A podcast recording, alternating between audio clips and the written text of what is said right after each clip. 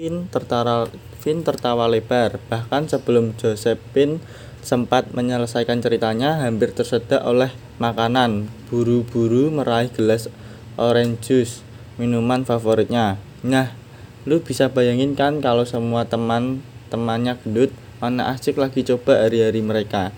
Tidak ada saling olok satu sama lain. Tidak ada saling ecek, hambar persis seperti stick ini. Joe nyengir, ikut menahan tawa sambil dengan malas mengiris-ngiris daging sapi di hadapannya. Tapi, itu tetap tidak menjelaskan masalahnya. Finn meletakkan gelas, lantas memperbaiki anak rambut yang mengenai ujung-ujung matanya. Analogi yang buruk-buruk banget malah. Dah, come on. Bukannya itu menjelaskan semuanya, lu pikir semua orang di dunia ini akan cantik, akan seksi? Enggak kan? Pasti ada yang tidak cantik, kurang seksi. Ya seperti kita-kita ini, Vin memotong pelan.